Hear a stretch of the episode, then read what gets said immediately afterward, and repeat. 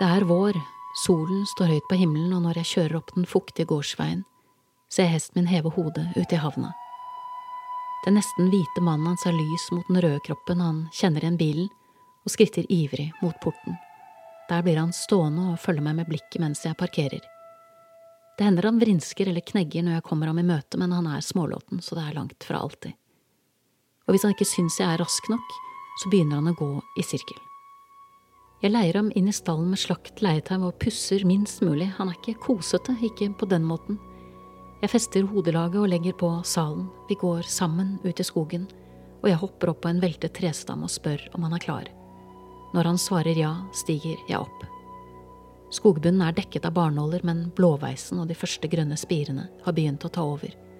Og når vi kommer inn i løvskogen litt høyere opp og jeg kjenner vårsolen mot ansiktet, er bakken plutselig dekket av et frodig teppe av hviteveis. Bjørka har satt museører. Bekken vi krysser klukker og sildrer breddfull av optimisme. Ridestien er mettet av smeltevann, det surkler under høvene. Hesten min hviner, han er den eneste hest jeg noen gang har ridd som gjør det. Han hviner idet han fatter galopp. Jeg slipper ham frem, og vi raser oppover en smal sti mellom trestammene. Fuglene synger, og vi er våryre begge to etter en lang vinter. Livet blant menneskene jeg nettopp har lagt bak meg, oppleves fjernt som en drøm jeg ikke helt kan huske. Alt annet viskes ut. Det er bare meg, hesten, skogen, vinden. Jeg føler meg fri og stryker en hånd over halsen hans, en hånd full av takknemlighet. Han svarer med å øke tempoet, og trærne farer forbi. Mannen hans flommer mot meg, og en hare skremmes opp av de raske hovedslagene og flykter mellom trærne ved siden av stien. Det går kast i kast opp gjennom skogen, han er ivrig og sterk i kroppen. Landskapet åpner seg mellom trærne, og jeg kan se blånene som strekker seg mot horisonten. Himmelen er skyfri, jeg har ikke en eneste tanke i hodet, jeg bare er. Vi galopperer videre, ørene hans er spisset, og selv om jeg ikke ser øynene, merker jeg at blikket er mykt og åpent. Han nyter våren, som jeg, nyter solen mot pelsen, nyter skogen som våkner til liv, nyter smaken av friskt gress etter en lang vinter med høy, nyter lysere dager og lysere netter. Vi er ikke så ulike. Det er sommer. Jeg går ned på beite tidlig om morgenen og går gjennom det duggfriske gresset. Hestene står og spiser, men to av dem har tatt en pause og hviler seg. Det er en tid på døgnet de ofte legger seg ned, og jeg setter meg i gresset ved siden av de to som nå står og halvsover. Hesten min har lagt merke til meg for lengst, og nå kommer han lunten over dit hvor jeg sitter. Han hilser ved å legge den myke mulen sin inntil nakken min. Så legger han seg ned ved siden av meg. Det er for tidlig på dagen for de mest plagsomme fluene. Han hviler mulen sin mot gresset. Jeg sitter rett ved siden av ham mens de andre hestene legger seg ned rundt oss. Hesten min sovner, drømmer og prater søvne. Og jeg gjør ikke mine til å dra noe sted før han våkner, reiser seg og strekker seg. Så gjør jeg det samme. Jeg rusler mot porten, og hesten min følger etter. Engblomstene står i full flor, og jeg legger på hodelaget og hopper opp barbakk. Vi rir langsomt ut i skogen. Pelsen hans er solvarm og stegene seige. Jeg rir med lange tøyler. Solstrålene leker seg vei ned gjennom løvverket og treffer stien foran oss. Vi har all verdens tid. Elva renner seigt, og vannlinjene lyser opp som hvite og gule stjerner mot det mørke vannet, som er dekket av et tynt lag blomsterstøv. Fuglene synger, og en ugle kommer flyvende lavt over oss på stien. Den folder ut vingene noen meter foran oss, så nært at jeg kan telle hver eneste fjær. Hesten min reagerer ikke med noe annet enn to spissede ører og et nysgjerrig blikk idet uglen flyr videre, med lydløse vingeslag og forsvinner. Vi skritter over et hogstfelt der løvtrær og tykke bregner kjemper om solens oppmerksomhet. Vi skritter gjennom en gammel urskog der mosen har omfavnet steinene, og veltede trær med en langsom, voksende, tykk og dypgrønn klem, og når vi nærmer oss beitet igjen, flagrer en vakker sommerfugl ved siden av oss langs ridestien, som om den endelig har funnet noen å ta følge med.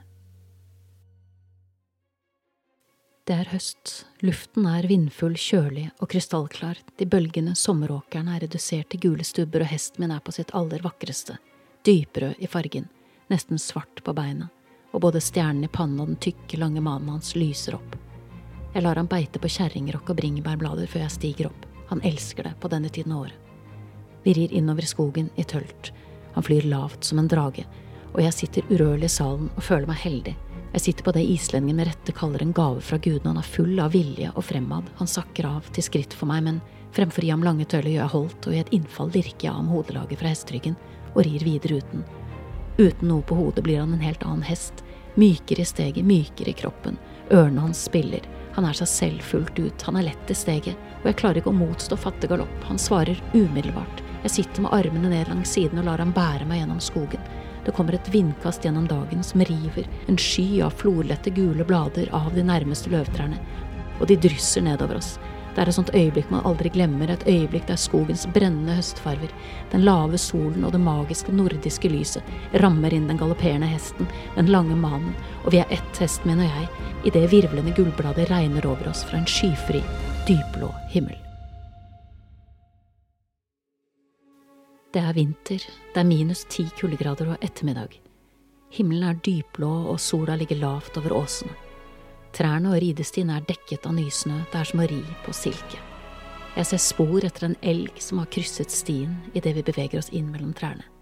Hesten min er sterk og klar under meg, stien så vidt synlig i nysnøen, men vi vet begge godt hvor den går. Trærne er snøtunge rundt oss, og når hesten øker til trav, er han sterk og lett i steget. Men han vil mer, vil fortere, vil frem. Kort galopp først, men han øker fort. Tretakten i steget hans er som en bølge opp gjennom kroppen min, og den flolette snøen er som en sky rundt beina hans. Takten øker til fire, trærne raser forbi oss på begge sider. Det er umulig å skille trestammene fra hverandre. Han øker tempoet, frostrøyken og mannen hans strømmer mot meg mens vi raser opp gjennom skogen. Stien slynger seg mellom trærne, men han sakker ikke farten, han galopperer så fort han kan. Over bekkeleier. Jeg dukker flere ganger for å gå klar av greiner som er tomme av snø. Vi hopper over et vindfall, enda et. Så, kast i kast opp gjennom skogen, jeg lukker øynene et øyeblikk og kjenner hvordan musklene hans bærer oss med letthet gjennom vintereventyret. Vi rir dypere og dypere inn i skogen, høyere og høyere i terrenget. Det åpner seg rundt oss nå. Skogen strekker seg ut i dalførene for oss. Vi kan se blånene i det fjerne, og solen er i ferd med å forsvinne bak åsen. Han slår over til trav igjen, og vi rir langs en åsrygg med utsyn til alle kanter. Han krummer nakken og er klar for å galoppere videre, men jeg holder ham tilbake med setet. Han holder traven. Ørene hans spiller. Jeg kjenner at han finner spensten i steget. Han snøfter, rister på hodet som mannen flommer nedover halsen hans, men han holder igjen og avventer med ørene spisset. Solen forsvinner ned bak åsen, og det mørkner fort. Jeg har holdt, stiger av og står ved siden av ham og nyter øyeblikket. Han har rim rundt neseborene. Frostrøyken hans blander seg med min. Det er oss to. I vinternatten. Himmelhvelvingen over oss er dekket av stjerner, og månen lyser opp som solens bleke lillesøster. Hesten min står ved siden av meg med spissede ører og skuer utover. Hester vet å nyte høydedrag og utsikt, akkurat som oss.